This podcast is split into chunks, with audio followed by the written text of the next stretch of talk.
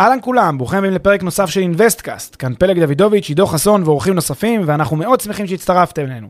הפרק בחסות רנטפו, פלטפורמת השקעות חכמות בנדל"ן עם האנשים שמאחורי אינוויסטקאסט.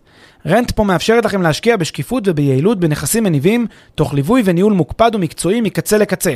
היכנסו ל-rentpo.com, חפשו השקעה שמעניינת אתכם ותאמו איתנו פגישה דיגיטלית. בנוסף, לפני שנתחיל, נזמין אתכם להצטרף לקהילת המאזינים של אינוויסטקאסט בפייסבוק. חפשו אינוויסטקאסט בשורת החיפוש והצטרפו לקהילה. ועכשיו לפרק נוסף של אינוויסטקאסט.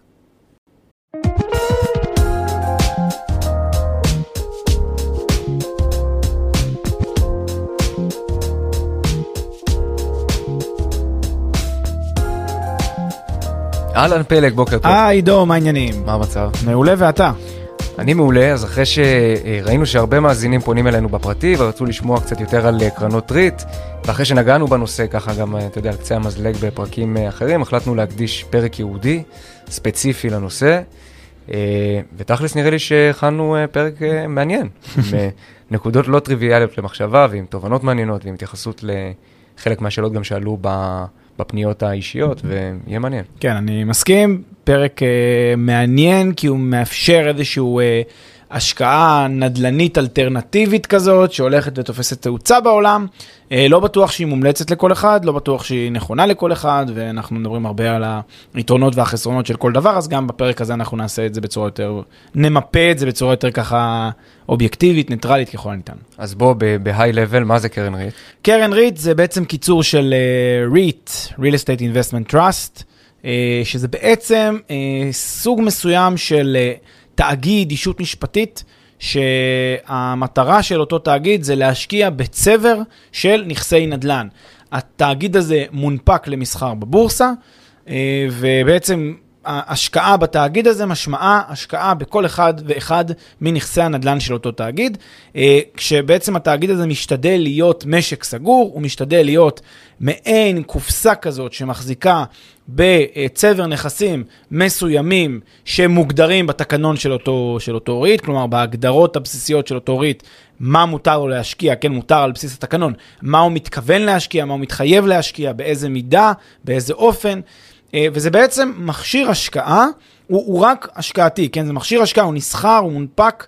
למסחר בבורסה, הוא נועד לצורכי השקעה בלבד, והוא אה, בעצם מכשיר השקעה שמאפשר לאנשים בעצם לחשוף את הכסף שלהם לשוק הנדל"ן.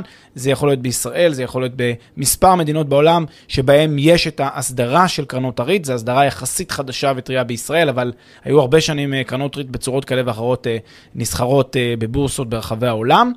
אה, ותכף נגיד מה הופך אותו למשהו שהוא שונה, כי יכולנו בעצם להתחיל את הפרק הזה להגיד הפוך, בואו אולי נדבר על חברות ציבוריות שמחזיקות בנכסים, שזה לכאורה אה, די דומה לריט במהות.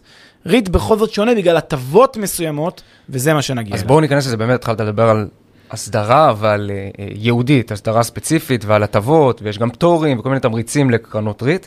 אז בואו נעבור עליהם אחת-אחת, ואחר כך ננסה להבין למה בכלל אנחנו רוצים לתמרץ את הקרנות מהסוג הזה. בדיוק, אז אה, נגיד מה קורה בארץ, כי בכל מדינה זה קצת שונה, אבל יש באמת איזושהי הסדרה שתכף, כמו שאתה אומר, ניגע גם ברציונלים שלה, אבל בארץ ההסדרה הזאת בעצם מאפשרת לקרנות ריט לרכוש נכסי נדל"ן.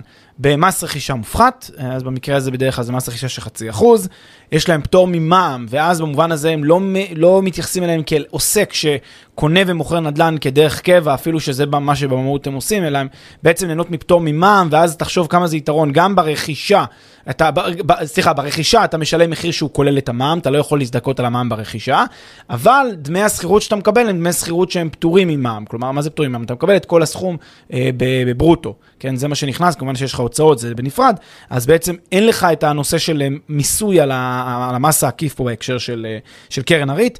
יש פטור ממס חברות לקרנות ריט, מה שאומר שכל הרווחים בסוף הם, אה, כל הרווחים הראויים לחלוקה, לחלוקה בסוף הם ב-100% ללא מס חברות, שזה משהו מאוד מאוד משמעותי. זה מאוד משמעותי, כן. בוודאי, וכמובן, משמעותי. יש גם הקלות במיסוי על הדיבידנד, הדיבידנד ימוסה בשיעור של 20%. אה, ולא בשיעור אה, של 25 או 30 אחוז. אז לכן יש כאן באמת אה, הטבות, שורה ארוכה של הטבות שניתנות לקרנות הריט, גם לקרן הריט ברמת החברה וגם למחזיקים בקרן הריט ברמת המשקיעים. ומה המטרה? למה שהמדינה תיתן את כל הטבות האלה אז, אז? יפה, אז בואו בעצם נחלק את זה ל, ל, לכמה רבדים של, של, של, של רציונלים. קודם כל יש כאן את הרציונל, אם תרצה, המדינתי, כלכל, מקרו-כלכלי הרחב, ברמת המדינה, ברמה קצת יותר רחבה, שזה, אם תרצה, הר, הרציונל של השכרה לטווח ארוך.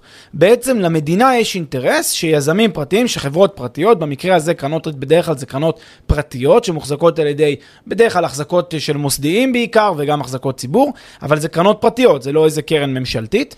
אה, וכשזה המצב, זאת אומרת, יש גם ממשלתיות, אבל בדרך כלל יש גם פרטיות, אז כשזה המצב, אנחנו בעצם רוצים לעודד יזמים פרטיים להשקיע לדיור להשכרה לטווח ארוך. עשינו לזה גם פרק לפני כמה פרקים באינבסטקאסט, אז אפשר גם לשמוע אותו. יש איזשהו רציונל כלכלי כזה לאפשר לאנשים שוק שכירות רב, אה, תקופה ארוכה, טווח ארוך, מתפקד, שעובד בצורה טובה ותקינה. זה רציונל ככה כללי, ולכן קרנות הריטל מקבלות תמריצים שהמטרה שלהם בסוף לעודד אותם לקנות הרבה הרבה הרבה נכסים, שכל הייעוד שלהם, כל מה שאפשר לעשות עם הנכסים האלה, האלה, זה לא, אתה יודע, אה, שיפוצים, פליפים וכל מיני דברים שעושים אותם לרווח קצר, אלא להפך, לטווח ארוך, השקעה להרבה שנים, שבעצם הקרן הזאת בעצם די אדישה מי ישכור את הדירות, כי הם בהגדרה הם דירות שמיועדות להשכרה, ולכן היא דווקא תעדיף שיהיו לה שוכרים לטווח ארוך, שוכרים שהיא מנהלת את זה וכולי. אז זה האינטרס ככה יותר הרחב הרחב של הדבר הזה. אינטרס נוסף הוא לאפשר בעצם גם מהצד השני למשקיעים, משקיעים אה, פרטיים שרוצים לחשוף את הכסף שלהם לשוק הנדל"ן, ויש להם את ההגבלה הזאת של אה, חסמי הכניסה הגבוהים, של סכומי הכניסה הגבוהים בשוק הנדל"ן, כי לקנות אה, דירה, לקנות בית להשקעה בישראל זה, זה הוצאה מאוד גבוהה למשפחה ישראלית, והם עושים אותה אולי פעם, גג פעמיים בחייהם, רוב המשפחות. וזאת דרך, ומי שמאמין בנדל"ן, ולמשל אנחנו מאוד מאמינים בנדל"ן, זו בעצם דרך להשקיע בנדל"ן במספרים קטנים, בסכומים קטנים של כמה עשרות אלפי שקלים אפילו, אה, ולהיות חשוף לשוק הנדל"ן שהוא שוק צומח ושוק טוב למי שמאמין בשוק הזה. סבבה, אז... אז כן. סליחה, כן, כן. לא, אז, אז, אז זה היה ההסבר שני, יש גם עוד כל מיני הסברים שקשורים גם ב, אה, אתה יודע, אה, להניע את אה, שוק השכירות, לעודד שוק שכירות דינמי, כי תחשוב שאם רוב השוק יהיה שוק של בעלי דירות שגרים בדירות של עצמם, ולא יהיה לך שוק שכירות מספיק מתפקד, אז, אז יהיה פה בעיה, יהיה פה שוק שכירות שהוא לא מספיק דינמי, ודווקא, והרבה רואים את זה בעולם, כמי שקצת טיפה קורא ולומד את הדבר הזה, כל הנושא הזה של תחלופה של שוכרים, ותחלופה של מקום מגורים די דומה לשוק תעסוקה מתפקד, זה מאוד מאוד חשוב. אתה יודע שבהרבה מדינות שבהן יש... אה, שבהם יש משך העסקה קצר במדינות, אבל יש דינמיות בשוק העבודה, אז לכאורה זה counter intuitive, אנחנו חושבים ש, שאם אחרי שנה, שנתיים, אז רוב האנשים עוזבים את מקום העבודה שלהם, זה לא טוב. אבל אם שוק העבודה הוא דינמי, אז זה דווקא כן טוב. כי זה אומר ששיעורי האבטלה יכולים להיות מאוד נמוכים, ואז אז מה, אז אנשים עוזבים אחרי שנה, שנתיים, אבל אה, מתקדמים, זזים בין מקום למקום, וזה בסדר. שוק שכירות דינמי, במובן הזה עושה את אותה, אותה פעולה, הוא מאפשר לי בעצם כל הזמן לשפר את רמת החיים שלי, לזוז ממקום למקום. בעצם אה, זה אינטרס של המדינה שיש שוק שכירות דינמי ומתפקד, אה, וזה עוד דרך להבטיח את זה, שזה לא יגיע ל... אתה יודע, לאנשים שרק רוצים לגור, אלא גם רוצים אה, שיהיה מי שמסכים, ובית אתה רואה, גם באזורי ביקוש יש בהרבה מאוד פרויקטים של, של קרנות ריט.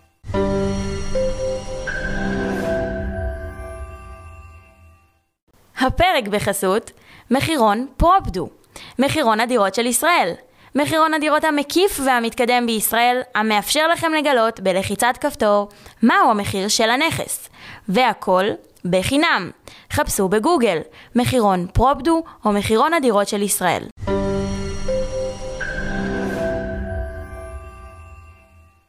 אז, אז נתנו את ה... הייתה, או לא אנחנו נתנו, כן, אתה בטח לא נתת וגם לא אני, אבל uh, נתנו את ההטבות והפטורים והכל, ועכשיו uh, אנשים יכולים uh, לכאורה להשקיע בנדל"ן בסכומים קטנים באופן עקיף, אבל כדי שזה יהיה קרוב להשקעה של, אתה יודע, של נדל"ן מניב אמיתית, אנחנו בתור המשקיעים צריכים לראות גם פירות בדרך, אתה יודע, בדיוק כמו דמי שכירות, אז איך אנחנו מוודאים שהקרן אכן מחלקת את הרווחים שלה באופן שוטף? מצוין, אז באמת אה, אחד הדברים שמאפיינים את הנדל"ן, וזו נקודה נוספת שטוב שציינת אותה שלא הזכרתי, גם יש אינטרס למדינה שאנחנו נשקיע בהשקעות שהן עם הכנסה פסיבית כזאת שוטפת.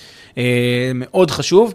כי בניגוד להרבה מאוד חברות שנסחרות בבורסה, שהרווח הוא רווח על הנייר כזה, שימומש במועד מסוים, בקרנות ריט בהגדרה אה, זה נכס שהוא מניב, כן? אנחנו קונים הרבה נכסים שהם מניבים והם מניבים שכר דירה שוטף, אחת לחודש, כן? ולכן אה, בתיאוריה היה עדיף שהקרן הזאת תחלק את הכסף שלה כל הזמן כדי שתאפשר לאנשים בעצם להיפגש עם הכנסות שוטפות. ואכן זה היה אחד התנאים, אז ההטבות האלה שציינו קודם, הם לא בחינם, הם בכל מיני תנאים שחברות הריט כפופות אליהן. כמובן שהן כפופות לממשל תאגידי והוראות של אה, חוק החברות וחוק ניירות ערך, שזה הוראות שקשורות לעצם העובדה שהחברות האלה נסחרות בבורסה וגם מה שמאפשר את המסחר במניות שלהן. אה, אבל יש גם הוראות אה, נוספות, הוראות יותר כלכליות מסחריות, למשל שהן נדרשות ל-90% חלוקת רווחים על הרווחים שצמחו להם, כלומר הן חייבות לחלק 90% מהרווחים כל אה, פעם שנוצרו להם רווחים כאלה. זה, זה, זה בעצם אומר שהקרן הזאת לא, לא אמורה לצבור רווחים, היא לא אמורה לגדול באמצעות הרווחים שלה, היא אמורה לחלק אותם. שוב, הרצון הוא ליצור הכנסה שוטפת, הכנסה פסיבית למשקיעים, כדי שהם יוכלו ליהנות בצורה שוטפת מדיבידנדים מאותה חבר, מאותן חברות. מותר לחברות האלה להתמנף בשיעורים שהם יחסית סבירים, לא, לא להגיע לרמה של 100% מינוף על נכסים, אז הם ממונפים בדרך כלל בשיעור של 80%, שזה השיעור המותר.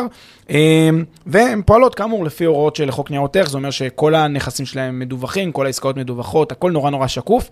אפשר לראות ממש את המחירים שבהם הם קנו את הנכסים, מה היה ה discount על השוק, מה היה התנאים, תכף גם ניצור את זה יותר לעומק. יפה, אז אמרנו שהקרן מחויבת לחלק 90% מההכנסות, וזה מייצר איזשהו דמיון לנדלן מניב במובן של פירות לאורך תקופת ההשקעה, אבל בכל זאת, יש הבדל די משמעותי בין השקעה בריט, אה, אתה יודע, לבין השקעה ישירה בנדלן, כי בקרנות ריט אנחנו מדברים על מניה שנסחרת בסופו של דבר mm-hmm. בבורסה, והמגמות של שוק ההון אה, משפיעות עליה, אתה יודע, על הטוב ולרע וכולי. כן. אה, נניח בתקופת הקורונה, אתה יודע, נדל"ן, לפחות כרגע לא רואים שהוא נפגע, לפחות לא באופן משמעותי, אבל את הבורסות כן ראינו יורדות, חלקן התאוששו, חלקן לא.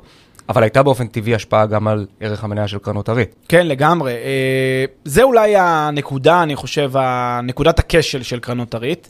אה, מי שחשב שהוא בא פה להשקעת אה, נדל"ן נקייה לחלוטין, כמו שקונים דירה להשקעה ברמת גן, אה, מה רבה הייתה הפתעתו באיפשהו באמצע מרץ, כשהוא ראה שהמסכים אדומים.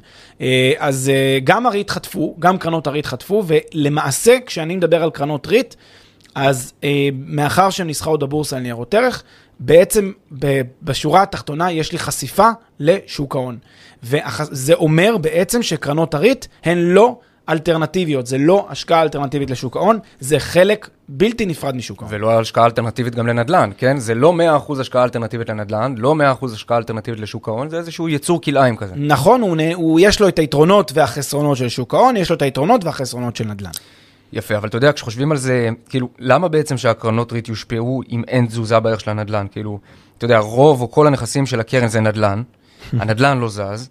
מי שמחזיק במניות של הקרן רואה שהנדל"ן לא זז, כן. אז למה שהוא ימהר לממש את המניה ויפגע בערך שלה? זהו, זה, זה נקודה, נקודה מצוינת. בעצם מה שאתה שואל, אני אנסה שנייה לתרגם את זה, נראה לי למובן הבא, אני יש לי דירה בכפר סבא, אני מחזיק את הדירה שלי, ורואה אדום בבורסה, כן? עכשיו, אה, והבורסה יורדת נגיד 20-30 אחוז ירדה, אבל הדירה שלי בכפר סבא, בוא נגיד, אני די יודע שהמחיר שלה לא ירד, אולי הוא קצת אפילו עלה. אמ, ועדיין יש איזושהי קרן, קרן ריט, שנגיד, כל מה ש... בואו בוא, דמיינו שכל מה שהיא עושה זה קנתה את הדירה שלי בכפר סבא. זה, ש... זה הנכס היחיד שיש לה. אז uh, כשיש בבורסה ירידות של 30 אחוז, וקרן הריט היא קנתה את הדירה הזאת בכפר סבא, האם הקרן תרד גם כן 20-30 אחוז? אז אני חושב שאנחנו מבינים שכן. הקרן עדיין תרד 20-30 אחוז, וזה נורא מוזר, כי אני, כשאני החזקתי קודם בדירה הזאת בכפר סבא, לא הייתה את הירידה הזאת, כי אני לפחות לא הרגשתי אותה, והיא גם לא באמת לא, לא קיימת, רואים את הנתונים. אין ירידות מחירים, בטח לא 20 אחוז, 30 אחוז של הנדל"ן. אה, גם אם יש, אני, אני לא חושב שיש, אבל גם אם היה, אף אחד לא עולה על דעתו שיהיה דבר כזה. למה כשזה אה, במסכים של שוק ההון וכשזה ריט, אותו, אותה חברה שכל כולה זה רק הנכס הזה, כן יורדת 20-30 אחוז. אז התשובה היא יותר מורכבת מאשר, אה, היא גם מסבירה לנו למה בעצם זה לא השקעה אלטרנטיבית לשוק ההון. למה זה השקעה בעצם בשוק ההון אה, ב, בכל מובן. ראשית, וה, והסיבה המרכזית היא כי מי הם עושי השוק בשוק ההון? מי הם השחקנים המרכזיים בשוק ההון? השחקנים המרכזיים בשוק ההון, אלה שגם מחזיקים במרב המניות. של החברות האלה, גם, גם כמובן של חברות הריט, זה בדרך כלל גופים מוסדיים. אה, קרנות מוסדיות, בין אם זה בנוסטרו, בין אם זה קופות הגמל, הפנסיות, הכסף בעצם של הציבור שמושקע דרך הקרנות המוסדיות. כשזה המצב, אז כשהקרנות האלה, יש אה, תנודות בשוק ההון ברמה הגורפת, הקרנות האלה כדי לא להפסיד כספי פנסיה של אנשים וכדי אה, ליצור מצב שבו הם לא, אתה יודע, מראות הפסדים משמעותיים על ההשקעות שלהם, הן צריכות לממש את ההשקעות. ולכן כשיש מימוש זה קורה רוחבית בהרבה מאוד ענפים, בהרבה מאוד תחומים, לרבות כמובן בנדל"ן, ובפרט כשיש אה, אה, נדל"ן אה, שרואים, אה, אתה יודע, חברות נדל"ן שהן אה, מתרסקות, אז גם זה יחלחל לקרנות הריט, ולכן אנחנו נראה את הדבר הזה. אז אתה אומר, הקרנות והמוסדיים חותכים באופן רוחבי, חותכים באופן רוחבי, אלא אם כן, אתה יודע, יש איזה באמת איזשהו תחום שטס דווקא בתקופה הזאת ומעבירים אליו אה, כסף, כי מזהים שיש דווקא עלייה שם. אז זה בעצם תהליך שהוא תהליך שמשותף לבורסה ברמה כללית, ולכן גם באמת, אתה יודע, כשרואים אה, שתל אביב אה, 35 צבועה באדום בוהק, אתה תראה שרוב מניות תל אביב 35 אדום. כאילו, זה, זה חלק מהעניין. אה, זה לא שיש איזו מניה אחת ספציפית שמושכת אה, 90% למטה וכל השאר אה, ירוק אה, זה. בדרך כלל, אה, כשהמניות קורלטיביות אחת לשנייה, וזה לא מפתיע, אה, גם פיננסים עובד יחד, קיצור, הכל עובד די במקביל. אז זה סיבה ראשונה, וסיבה שנייה, והיא המשקיעים הפרטיים. כי גם המשקיעים הפרטיים, הם, יש להם את מדד הפחד שלהם, יש להם את מה שמלחיץ אותם, יש להם את החששות הטבועים, וכאשר יש פתאום איזושהי אה, אה, הודעה על סגר בישראל, כניסה לקורונה גל ראשון, אי אז ב- במרץ-אפריל אה, 20, אז אנשים מממשים, ואנשים מוצאים את הכסף משוק ההון איזה הו, לא כל כך מעניין את האנשים אם הכסף שלהם יושב, אם ה-200 אלף שקל יושבים בקרן ריט, או שהם יושבים בחברה בכלל אה, אה, בתחום הבנקים, או חברה בתחום הביוטכנולוגיה, זה לא כזה משנה, יש להם תיק, הם מממשים את התיק הזה כמה שיותר מהר, הם רוצים למזער חשיפה, ולכן זה מזרים כמובן היצע מאוד גדול של אה, פקודות, מה שמוריד את ערך, ערך מניות הריט. לכן מהותית, השווי של הנדלן שבפנים, שבתוך הנכס, לא נפגע. מה שנפגע זה שווי הנייר, ולכן רואים את הדבר הזה מתבטא ביתר שאת בשוק ההון. לא תראה את זה כמובן בנדל"ן, אם היה גרף כזה דמיוני של מחיר בכל רגע נתון ספציפי של הדירה, לא היית רואה את הדרמטיות הזאת במחיר. זה בצד של הכסף, מה בצד של, ה, אתה יודע, של הנכסים עצמם? יפה. אז גם בצד של הנכסים, אה, תראה, יש בסופו של דבר אה, תנודות שנגזרות, נגיד בנכס, יש דברים שלפעמים... אה, ההשפעה שלהם תהיה בגלל הציפיות. בבורסה, בדומה ל... ל כשאני קונה נדל"ן נגיד בכפר סבא, כשאני קורא דירה, דירה בכפר סבא ושיש לה מחיר שהוא זז, הפעם הבאה שתהיה עסקה יהיה עוד כמה שנים. בסדר? יהיה עוד זמן עד שתהיה את העסקה הזאת. לכן אין פה יותר מדי מקום לציפיות האלה. מתי נעשה שיערוך, מה שנקרא? מתי נעשה אבלואציה של שווי הנכס על בסיס הציפיות החדשות שלו? כשאני אפגוש שמאי בעוד שנתיים, או בכל מיני דרכים אחרות, אני אעשה אבלואציה למה השווי של הנכס הזה בעוד איקס זמן. אה, וכשיהיה צורך, כשאני צריך לקנות או למכור את הנדל"ן הזה. כשזה בא לבורסה, והנכס הזה הוא נכס שלכאורה, בעקיפין נסחר בבורסה, כל הזמן יש אבלואציה לשווי שלו, ולכן כל הזמן צריך לעשות אבלואציה לציפיות. כל הזמן צריך להעריך את הציפיות כל שנייה. כשאני מעריך את הציפיות כל שנייה, אני צריך לחשוב מה חושב במוחו אותו משקיע כשהוא קונה את המניה של קרנות הריט במרץ 2020. עכשיו, יכול להיות שהנכס בכפר סבא לא זז שקל בערכו כלפי מטה, אבל אנשים חושבים, רגע, אם הקורונה הזה זה יותר ממה שזה נראה כרגע, אם זה משמעותי ותהיה פה, יהיה פה משבר כלכלי אמיתי בשוק הנדל"ן הישראלי, ויהיו ירידות של 10-20 אחוז, זה גורם לציפיות שליליות, אתה מבין? אה, לח- אה, כן. אה, כן, אז אם, אז אם אנחנו נכנסים אבל לממד הזה של צפי לעתיד, בואו נדבר על זה קצת, אוקיי? אה, מצד אחד אנחנו יודעים שעיקר הנכסים של קרנות הריט, אם לא כולם, כן, זה נדל"ן, זאת אומרת נכסים מוחשיים עם ערך ידוע וברור פחות או יותר אה, בכל נקודת זמן. מצד שני, אנחנו גם יודעים שהערך של כל חברה שנסחרת בבורסה, מעצם העובדה שהיא נסחרת בבורסה, מעצם העובדה שהיא חברה עם, אה, אתה יודע, תוכניות לעתיד, אה, הערך שלה נגזר בין היתר גם מציפיות, כמו שאמרת שיש ממנה. עכשיו, אם אנחנו אומרים שהערך המרכזי של קרנות הריט נגזר מהנכסים שהן מחזיקות בהם, אז אם תהיה עליית ערך בשוק הנדל"ן, או ירידה, לא חשוב, זה ישפיע על הציפיות אחלה, אבל איזה עוד ציפיות גדולות כבר יכולות להיות ממנה? כאילו, לא, זאת אומרת, איזה, איזה בשורה טכנולוגית מבטיחה או משהו כזה יש לה שהיא מצדיקה ציפיות מטורפות, שמגבירות ביקוש למניה באופן משמעותי, או להפך? שאלה ממש מצוינת, וזה באמת אה, נקודה, אתה יודע, זה בכלל, זה, זה קצת ככה לוקח אותנו לעולם הזה של הציפיות בבורסה, מה הן, וממה הן נגזרות, וצריך להבין ששם המשחק שמניע משקיעים בבורסה, וזה גם יאופיין כמובן בקרנות הריט, זה מה הצמיחה, מה ה-growth שהחברה הזאת יודעת לעשות, הוורטיקל הזה, כן. אין לי עוד מילים מפוצצות מספיק כדי להמחיש את הנקודה. אם אני חושב, בוא קח דוגמה, נניח אני חושב ששוק הנדל"ן בישראל הולך לעלות אה, 5-10% בשנה בממוצע בשנים הקרובות, כן? ואני חושב שגם אה, דמי השכירות הולכים להשתלם בצורה מאוד מאוד טובה, וגם שאזורי הביקוש ימשיכו להיות אזורי ביקוש וכולי וכולי וכולי, אז אני, אתה יודע, יש איזושהי נקודה שבה אני אגיד, אוקיי, אז ה- ה- עליית ערך שאני צופה למניות הריט, כמו שאתה אומר בדיוק, היא די מוגבלת, היא כאילו חמישה, עשר עד עשרה אחוז בשנה, ועוד דמי שכירות תגלם אותם, תעשה IRR, תגיד לי פחות או יותר מה הצפי לתשואה למשקיעים שאתה תרצה לראות לשנה. איך פתאום קרן הריט עולה ב-100 אחוז? איך היא עולה ב-200 אחוז? הרי זה משהו קקצת מוזר להגיד, ש... או שהיא יורדת 50 אחוז פתאום ב... בתקופה מאוד קצרה. איך הדברים האלה קורים? הדברים האלה קורים בגלל שמה אה, שמניע בסוף את, ה... את החברה ואת המשקיעים מהצד השני, זה לאו דווקא המספר הזה שהתשואה על ההשקעה הספציפית במניה הספציפית הזאת בכל רגע נתון, אלא מה שהרבה פעמים חושב אותו משקיע זה כמה עסקאות החב... הקרן הזאת תדע לעשות בתקופה הקרובה, מהם תנאי המינוף שהיא תקבל, מהם תנאי האשראי שהיא אבל תקבל. בוא נגיד שהיא תעשה עוד מיליון עסקאות. כן. אין סוף עסקאות, עוד אין סוף עסקאות. אם היא תעשה מיליון טוב- עסקאות. לא, לא מיליון, בסדר, אבל לא, בגבולות אני, הסביר. אבל אני הולך איתך על, על שנייה, הקיצון הזה. לקיצון, אבל, אבל בוא נלך לקיצון שהוא סביר. היא תעשה עוד המון המון המון עסקאות והיא תגדל מאוד מאוד מאוד מאוד. כן. עדיין התשואה מכל הנכסים שיהיו לה תהיה פחות או יותר דומה, ואתה יודע מה, גם אם המינופים יהיו מעולים והתשואות על ההון העצמי יהיו גבוהות, הן עדיין מוגבלות בתוך הדבר הזה של נדל"ן. זה לא טכנולוגיה שיכולה פתאום חברה, אתה יודע, להתנפח לשווים מטורפים. אז אם אתה רואה שקרן ריט עולה ב-100%, למה לעזאזל להיכנס? אני אגיד לך... כאילו, אין סיכוי שהנדל"ן יעלה ב-100%. אני אתן לך דוגמה, אבל שאולי ת, תנסה קצת להמחיש את זה. בסדר? דווקא אני לוקח את זה, הדוגמה של הקיצון של המיליון, שתראה שזה, תראה עד כמה זה יכול להיות מרשים. נגיד שהקרן ריט יודעת לגייס ב-1% את את תשואות האג"ח שלה, את ריבית האג"ח שלה, זה גם מה שקורה בדרך כלל אה, בקרנות ריט, לפחות בארץ, בסקטורים מסוימים. והתשואה שהיא יודעת להפיק על ה... תשואת ה-IRR שיודעת להפיק על ההשקעה היא בסביבות 5%. זאת אומרת, יש לה NPV, כן, שזה בעצם הגדלת ההון שלה, הגדלת שווי, כל, אה, שווי ההון העצמי של החברה, על כל עסקה כזאת, בוא נגיד, היא עוד, אה, עוד אה, 100 מיליון שקל אה, מעסקה כזאת של מקבץ מאוד מאוד גדול, והקרן נסחרת היום במיליארד.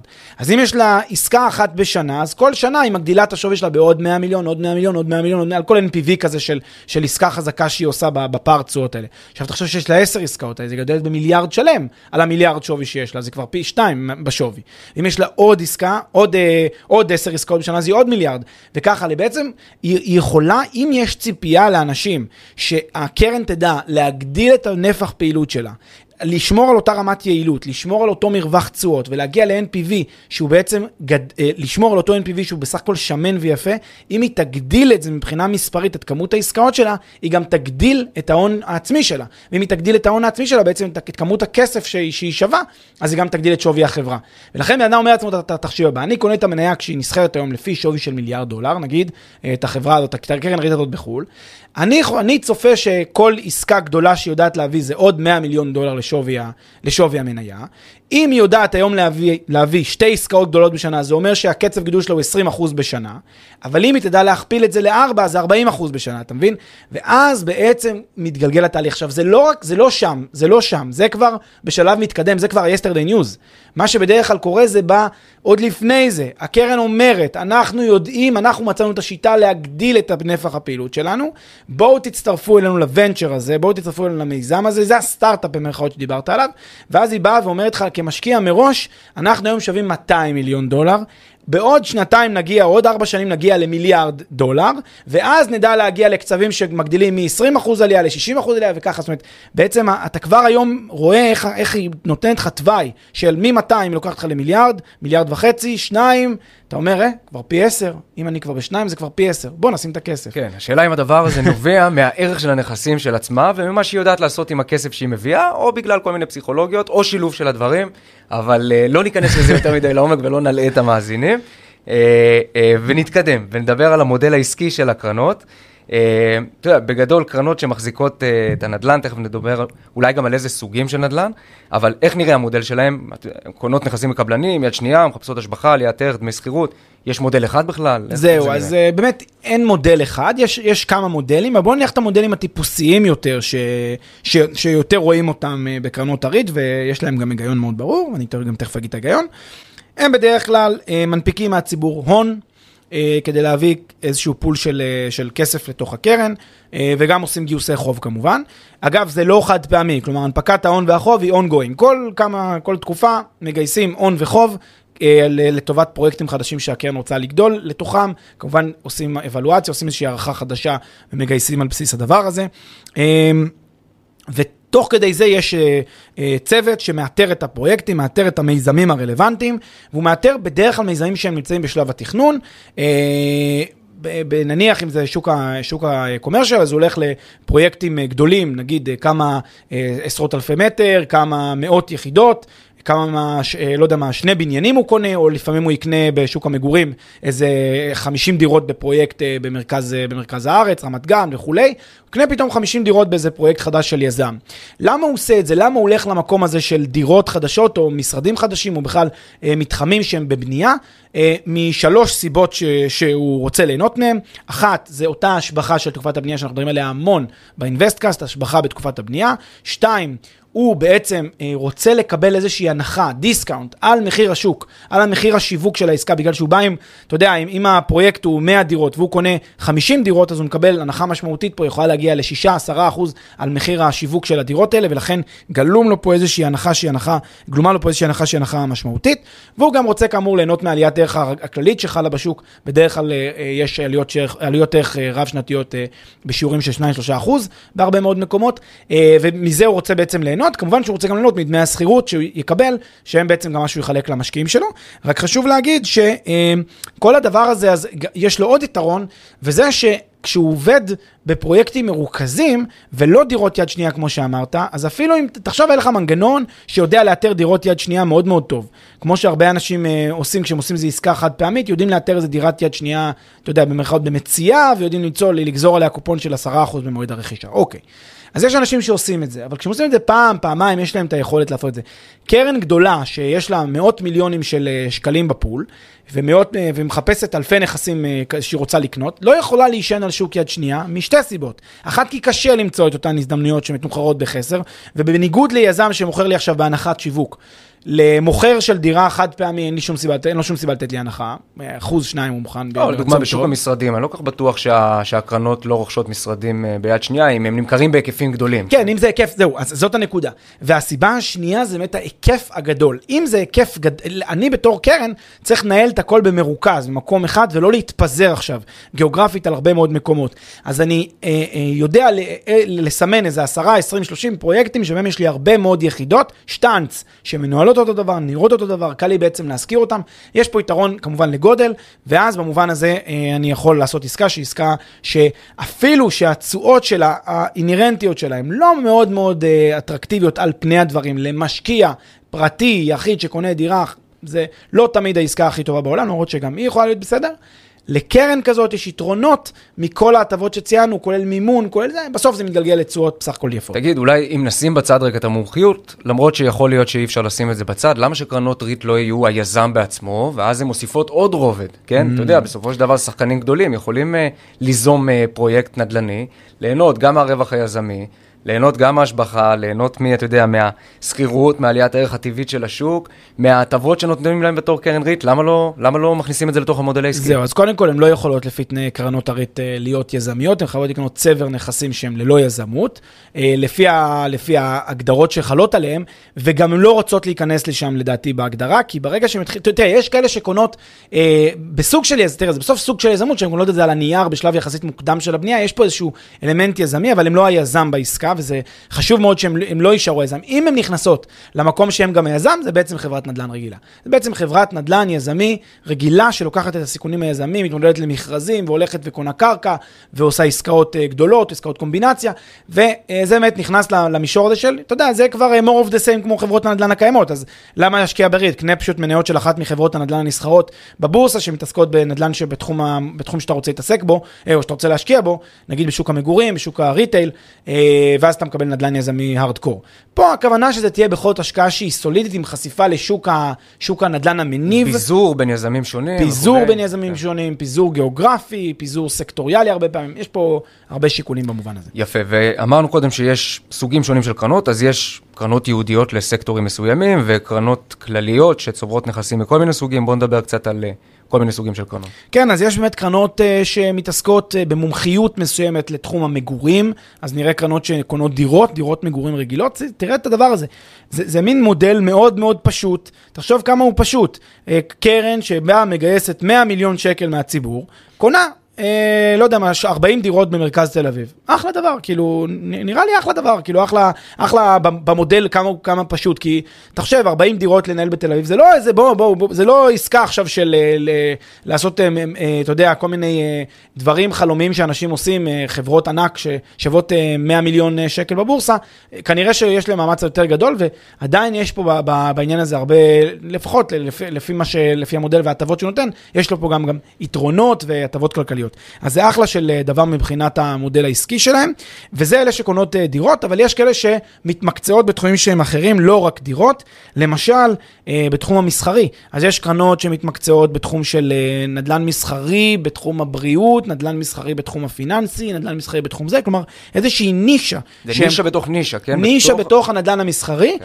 ויש גם נדל"ן מסחרי כללי, אופיסס, פשוט, שהן פשוט קונות משרדים ולצרכים כלליים, אבל יש כאלה שאומרות, אני אהיה נישה של נדל"ן מסח- מסחרי בתחום הבריאות. וזה בעיקר קרנות. אה, בארץ אני לא חושב שיש לא, כאלה, לא, לא. בעיקר בארצות הברית. בעיקר בארצות הברית, נכון מאוד, כי כשההיצע גדול, כשיש לך הרבה מאוד אפשרויות, אז יש כאלה שמתמקצעות בדבר הזה.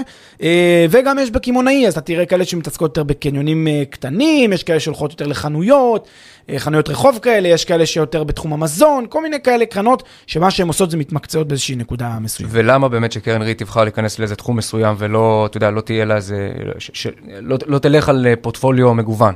אם המילה שאנחנו מחפשים זה סולידי, ואנחנו רוצים לאפשר איזושהי התמק, התמקדות של הקרן, אז הרבה מאוד פעמים אנשים יגידו לעצמם, תשמע, אני אה, משקיע סולידי, אני מחפש השקעה בס, בתחום מסוים שאני מאמין בו, ורק בו. למשל, אם אני מאמין בתחום הרפואי, וכל התחומי ה-healthcare, וכל התחומי הבריאות, וכושר, ותזונה, ודברים מהסוג הזה, קרן שמשקיעה בנדלן שמיועד לקליניקות, מיועד לבתי חולים, מיועד ל... וזה מה שהיא עושה, היא מחזיקה בעצם אה, נדלן שאותו מייעדים אחר כך לקליניקות.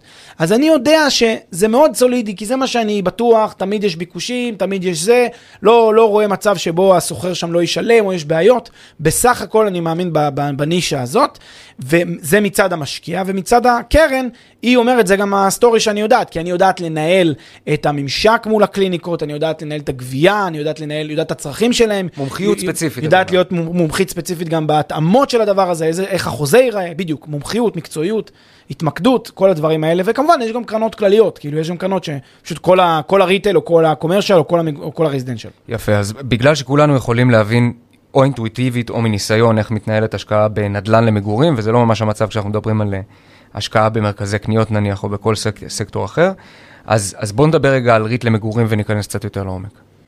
תראה, ריט למגורים בדרך כלל קונה צבר רב של פרויקטים ונכסים. אה, ניקח בארץ את הקרנות ריט הנסחרות בארץ, אתה תראה שיש להם מחזיקות בנדלן בפריסה ארצית, אה, בהרבה פרויקטים חדשים. בכל פרויקט יש להם אה, נגיד 20, 30, 50 דירות. אה, וכל פעם יגייסו אה, או אג"ח או, או איזשהו גיוס הון לטובת הדבר הזה, יגייסו איזה 100 מיליון שקל לטובת רכישה של 20-30 דירות באיזשהו פרויקט. המ- המעניין הוא שהן קונות בכל המדינה, באזורי ביקוש, בפריפריה, בשכונות כאלה, בשכונות יותר חזקות, פחות חזקות. לא, לא תראו אותן קונות דווקא בשכונות שאתם חושבים שהן יותר מתפתחות, יותר ככה הדבר הבא. תראו אותן לפעמים קונות ממש במרכז, במרכז אה, הארץ, תוכלו לראות נגיד ב, אה, במרכז תל אביב, אה, באבן גבירול יש קרן שקונה, קנתה שם מספר דירות, 20-30 דירות, וגם כמובן הן קונות בערים מגוונות, לא רק בתל אביב. רמת גן או באר שבע, הן קונות גם ברמת השרון, בהרצליה, בראשון לציון, כלומר, ממש פיזור די מעניין של, ה, של הנכסים שהן רוכשות, עד כדי כך, אני אגיד פה משהו קצת מוזר, עד כדי כך שזה נראה כאילו הקרן קצת לא כל כך אכפת לה איפה היא משקיעה, באיזה מקום בדיוק, באיזה פרויקט היא בדיוק משקיעה, ואני מניח שהיא יודעת לעשות את הדיודידין שלה ליזמים, אבל לא כל כך חשוב לה. אין לה איזה חסמים אינהרנטיים מראש, לתחום הזה אני לא נכנסת, לאזור הזה אני לא נכנסת, אלא היא אומרת, מה שבא ברוך הבא, נבחן אותו לגופו של עניין, וזה דווקא אני מבין, מזדהה עם הגישה הזאת, כי אני גם מאוד מאמין בגישה כזאת של כלים שלובים כזאת, כלל ארצית. אם תראה את הדיווחים של החברות האלה, אתה תראה שיעורי תפוסה מטורפים בשוק הנדל"ן הישראלי, דברים שאני לא מכיר מכמעט אף שוק שאנחנו מכירים בעולם. שיעורי תפוסה שנושקים ל-100% בכל קצוות ישראל כמעט, אה, בכל פרויקט שיש להם.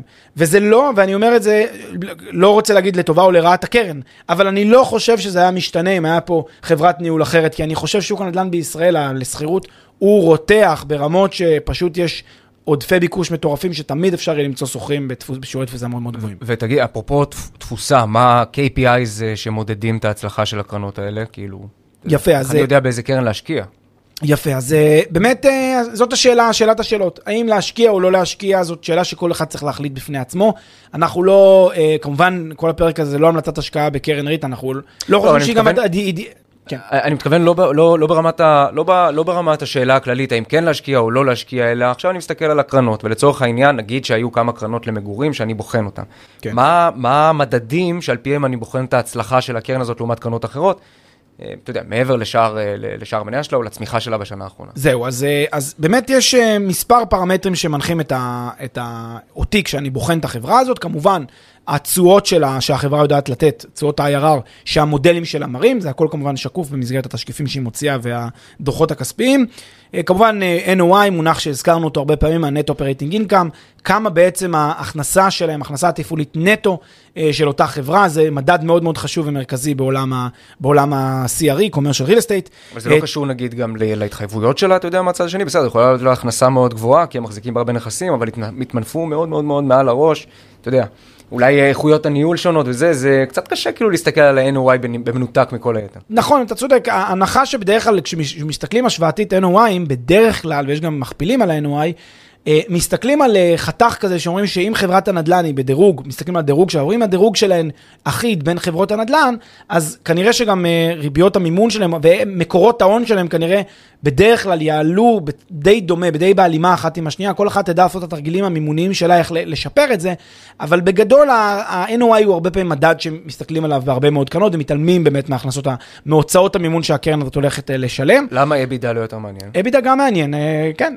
אה, לא, אני לא חושב ש... אה, תראה, אה, EBITDA ו NOI הם לא באמת רחוקים אחד מהשני, יש פה, הם די דומים, שני, שני תחומים מאוד משיקים ב, ב, בחשבונאות, אבל מה, ש, מה שאני מנסה להגיד זה שלאו דווקא זה יהיה ה net profit השנתי, כן? לא, לא- לאו דווקא הרווח השנתי ישמש כבסיס לה- להחלטה, גם הוא יכול להיות.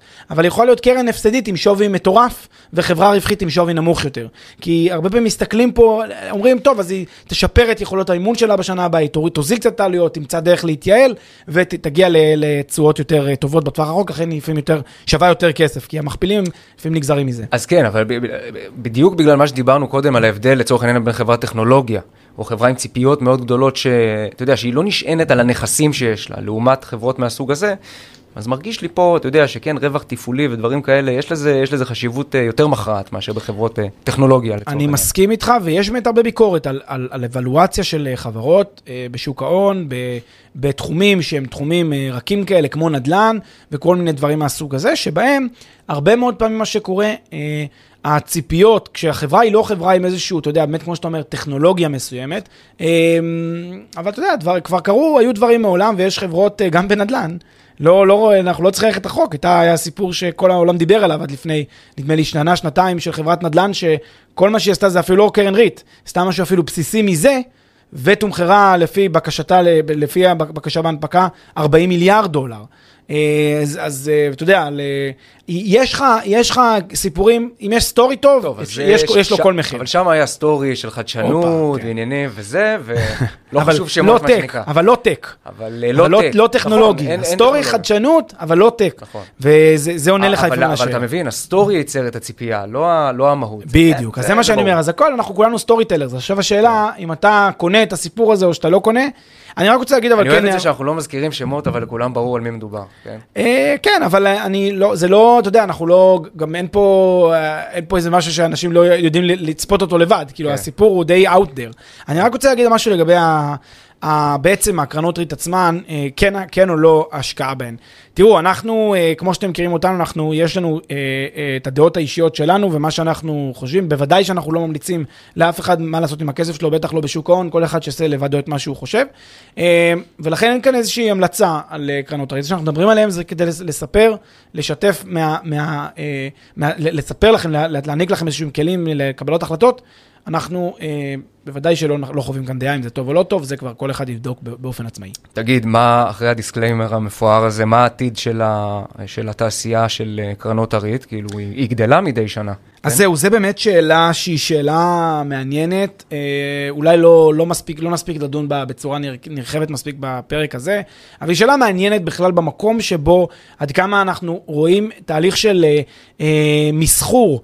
שוק הנדל"ן והתמנפלות, מלשון מונופול, של שוק הנדל"ן לידיים יותר ויותר uh, גדולות, כי ככל שהנדל"ן יהיה פחות מפוזר, ככל שיותר uh, נדל"ן יתרכז בידי uh, גופים, גם אם הם גופים שהם גופים uh, uh, שנסחרים בבורסה, אבל זה עדיין גוף אחד עם ניהול אחד, במובן מסוים אנחנו פוגעים בתחרותיות של השוק.